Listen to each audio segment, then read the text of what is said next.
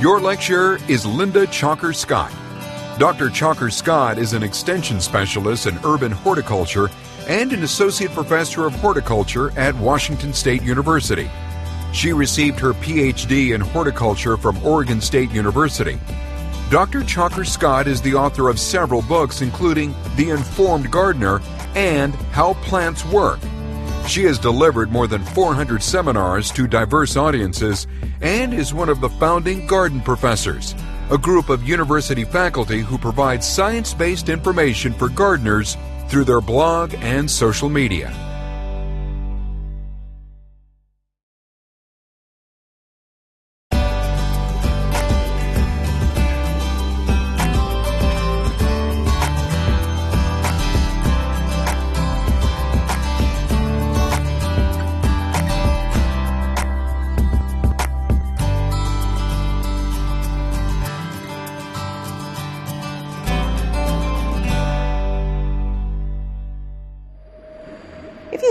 Any time on the internet, you certainly will have seen recommendations for all sorts of products and practices that promise to work miracles in your garden. You've doubtlessly read that common household chemicals can be used successfully in your gardens and landscapes as fertilizers or pesticides. Dish soap, Epsom salts, vinegar, baking soda, molasses, cinnamon, basically your whole kitchen. But are these claims valid? Well, I've spent the last 20 years looking at the science, or lack thereof, behind these recommendations and have become a garden mythbuster as a result. But I didn't start out that way, even while I was getting my PhD in horticulture. I'll give you some examples of how I cared for our home garden during that time. When I planted new trees and shrubs, I was very careful not to disturb the root ball. I'd add lots of good compost to backfill and stake larger trees securely to keep them upright. I rake the soil to keep it clear of leaf litter. And with our container plants, I always add a layer of gravel at the bottom to improve drainage. I'm sure some of these activities sound familiar to you. And it turns out that none of them are based on sound science. It took me years before I discovered my practices were improper, all during the time when I was actively teaching and conducting research in basic plant physiology. My understanding of applied plant physiology began when I accepted a position at the University of Washington. Among other things, I taught a course in landscape plant selection and management. I had avoided these types of courses during my PhD work, focusing instead on physiology and biochemistry. So I had a steep learning curve to climb. As I became more familiar with practical soil and plant sciences, I also became aware that many so-called common sense gardening practices were just plain wrong. They didn't mesh with what I knew to be accurate information about plant physiology and biochemistry. Many of these common sense practices were those that I'd used in my home garden during my PhD work. In this course, you'll find out why gravel doesn't help with drainage, why disturbing the root balls and trees of shrubs is a great idea, and why staking is nothing more than enabling bad tree behavior. In this course, I'll introduce you to the most current and relevant research on all aspects of home gardening and landscaping with an emphasis on permanent landscapes the trees, the shrubs, and woody perennials that make up the backbone and the most significant investment of a sustainable garden. We'll take a look, both in the studio and in the field, at many common problems that home gardeners face, and you'll learn why the latest well meaning advice from your neighbor or an online gardening group may not be the best approach. You'll leave this course not only a better curator of your landscape, but also a better curator of sound gardening science. One of the questions that always pops into my head when I hear the newest faulty advice is, where does all of this misinformation come from? Let's start by answering that question by looking at the historical roots of what we know and what we think we know about gardening. First of all, what I'm interested in is urban horticulture. You may have heard of this, maybe it's ornamental horticulture or environmental horticulture. I also like arboriculture, which is a subset looking specifically at trees. These are relatively new fields of applied science. Historically, what we've done in terms of research is looked at food and fiber related crops. This is where the money is, this is where it's important economically, and this is important for people. So grant money from the USDA and other funding sources is still geared at, at researching food and fiber related crops, not on ornamental plants. So products and practices that were relevant to maximizing agricultural production are what were developed, not things that were developed for gardeners. And some of these things might be similar to what you find in a vegetable garden, but many of them are not appropriate for looking at long-term landscapes. Specifically, fertilizers were found that would maximize production and pesticides were found that would minimize damage from insects and other types of pests. On the other hand, urban landscapes, home gardens, public green spaces like parks, ecological restoration sites, these are not production agriculture sites, nor are they forestry sites. They are long-term sustainable landscapes that must be managed in a different way. So that's one difference, is the plant life cycles of these two systems. The second is thinking about what's happening to the soil. When you're producing things in an agricultural sense, you're going in, you're plowing, you're seeding, you're harvesting, you're plowing again, working organic matter back into the soil, and that works well when you're maximizing crop production. But again, this is something you're probably not going to be doing with your home landscape because then you're going to be plowing up all those perennials whose roots are established into that soil. Then think about the life that is in that landscape. If you look at a monocultural agricultural system, again, whatever the crop is, that's what's being managed for. There's nothing else there. The weeds are taken out. Uh, there's obviously going to be insects and possibly some other animals that live there, but it's a pretty sparse amount of life in terms of diversity. In your landscape, you want more life. You want to have these different types of plants, the insects, the birds, a lot of these are beneficial. You want diverse life. So again, a little bit different management goal there rather than just trying to keep a monoculture growing. And finally, and maybe most importantly, is thinking about the use of fertilizers and pesticides.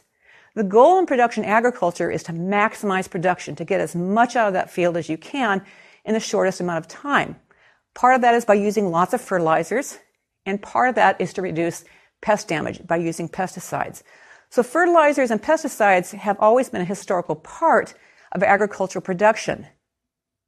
But this is not how we should sustain a long-term landscape system. In a research void like this, there is a plethora of anecdotal, irrelevant, and unverified information. There's a lot of problems associated with following these types of advice, and they include things like basically disappointing results. You try something that you've heard about on the internet or that your neighbors told you about, and you don't get anything. Or maybe you think you get something, but that's because you're really hoping you are. But if you were to test it, you wouldn't see very good results. Secondly, it's a waste of time and money and natural resources. Some of these things that appear to be nice natural approaches to managing pests or to adding nutrients to the soil do a lot of damage, they waste resources, and they waste time, and they waste your money.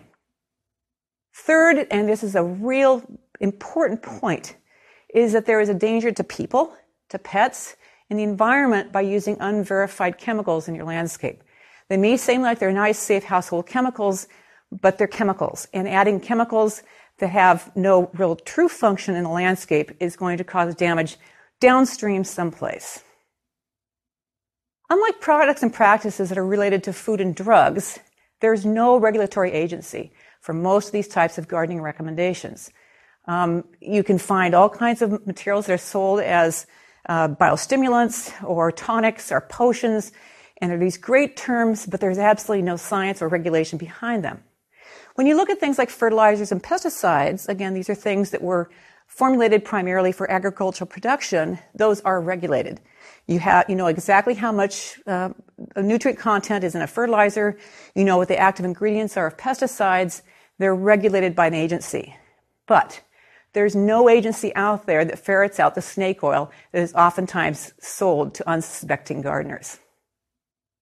There is great emotional appeal underlying many of these worthless recommendations. First of all, there's that folk wisdom feel. You heard it from your grandmother, you heard it from the old guy next door. It just sounds like great information that's been passed down through generations. Or maybe it just sounds like good common sense. I mean, I've heard many gardeners say it's nothing but common sense approaches to do gardening right. Or maybe it's because it's the do it yourself approach. Lots of people like to be able to do their own thing in the garden, make their own products and potions, and not have to rely on buying them from the store. Many of these products and practices have these great names that appeal to your emotions. Um, words like tea, lasagna, and all these things make you feel warm and fuzzy And then that warm and fuzzy feeling you are then putting onto your garden and landscape. A great example of a body of gardening information comes from permaculture. And this is a great example in terms of appealing to your emotions, but not necessarily basing all the recommendations on science. So let's consider the problem with permaculture. What is it exactly? Well, it really is a marriage of two things. It's a marriage of some science and, and then philosophy. Now, while science is testable, philosophy is not. So we can look at the different types of practices that are recommended and we can test them to see if they actually work, but you can't really test and prove a philosophy. So this whole approach really kind of falls into the category of pseudoscience. And I don't mean this in a pejorative way, just in an explanatory way. What pseudoscience means is you're using terminology that kind of sounds like science, but they're not scientific terms and they aren't based on scientific processes. The second red flag in terms of um, pseudoscience is you don't really have an experimental evidence to support your recommendations. Instead, anecdotal observations are considered to be just as good as science and better if science doesn't exist. Some permaculture practices, especially the ones that are based on ecological science, unfortunately are outdated or incorrectly applied. And this is rather important because ecology as a field really began its growth in the 1960s. And if you read a lot of the permaculture books, you'll see that recommendations are coming from those old texts where ecology really was pretty young. It's changed a lot in the decades following, but that information has not translated back down into permaculture. Some of the other permaculture practices, which include things like lasagna mulching and hugelkultur, are not based on scientific principles. Now they sound great. They've got that emotional appeal to their name. Lasagna mulching, lasagna gardening. It's one of those things, you know how good you feel when you eat lasagna. Think about how great your garden's going to feel if it's got lasagna on top of it. Hugelkultur is an, ex- an exotic word. It's German in origin. You're told that it has centuries of practice behind it. So there's that, that, that folk wisdom, there's the exoticness, there's the, you know, the whole world type of approach to gardening, which is very appealing, plus lasagna. And you look at the basics behind both of these practices. The lasagna gardening is based on mulching to prepare soil for planting and to get rid of weeds and um, just get the nutrients back in the soil. So that seems to make sense. Um, in terms of hugelkultur, it means mound gardening what happens with hugelkultur, it's, it's pretty much upside down gardening. You put woody material on the bottom, and then you put on um, more broken down material, and you end up with soil on top. Uh, the lasagna mulching is layers of material. So you have cardboard, then you put on compost, and you put on cardboard and compost, and so you're making lasagna. You've got the noodles, which is the cardboard, and you've got the sauce, which is the compost.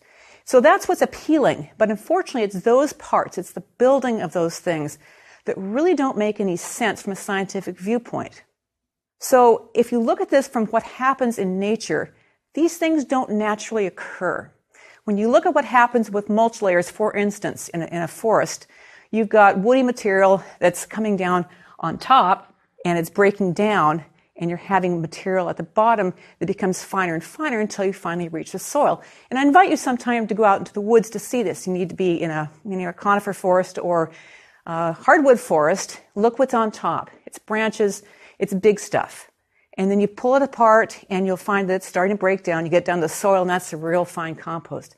That's what naturally happens. It doesn't work the other way around. So using this as something that's based on ecology just isn't accurate because you can't find examples of this in nature. Not only are these processes counterproductive, sometimes they can cause real damage. Let's look at the lasagna garden model as an example. If you have layers of cardboard and then compost, cardboard and compost and so on, again, not only does it not occur in nature, but you're actually constructing a barrier to water and oxygen movement. Think about what cardboard is. It's something that's made to resist water. They wouldn't be using it to ship all those boxes all over the world if there were things that were going to fall apart immediately. So cardboard is something that's naturally resistant to water. And putting layers upon layers upon layers of your soil means water can't get in or out, and neither can oxygen. So this is causing an oxygen deficit to your soil, and it's something that should be avoided, not encouraged. So when you hear about these types of products and practices that are promoted by people that are really excited about do it yourself or folklore gardening or common sense gardening, you have to insist on proof. And what the proof is, is scientific evidence. And the onus really is on proponents to provide that peer reviewed, published scientific evidence to support their claims. The onus is not on science to prove that it doesn't work. So part of what I want to do is help you learn how to assess gardening information. We need to think about the sources that are out there. There's lots of written material. Some of it's really good. Some of it's not so good. How can you figure out which is which? Well, this pretty much falls into three categories. First of all, we have scientific journals. There's some great ones out there that are easy enough to understand and that are relevant to gardens and landscapes. They might include the Journal of Environmental Horticulture, Arboriculture and Urban Forestry, and Hort Technology. Now, these journals are peer reviewed. They go through a blind review process. They're meant for an academic audience. The drawback, of course, is because it's an academic audience, it can be a little bit dry. They're pretty much um, in the standard type of uh, format where you have an abstract, an introduction. Materials and methods result in a discussion, which is really interesting, but sometimes can be a little bit much. So that's the drawback, is they can be a little bit dense and turgid to wade through. Then there are the professional journals. This includes what I would call gray literature, and again, not a pejorative term.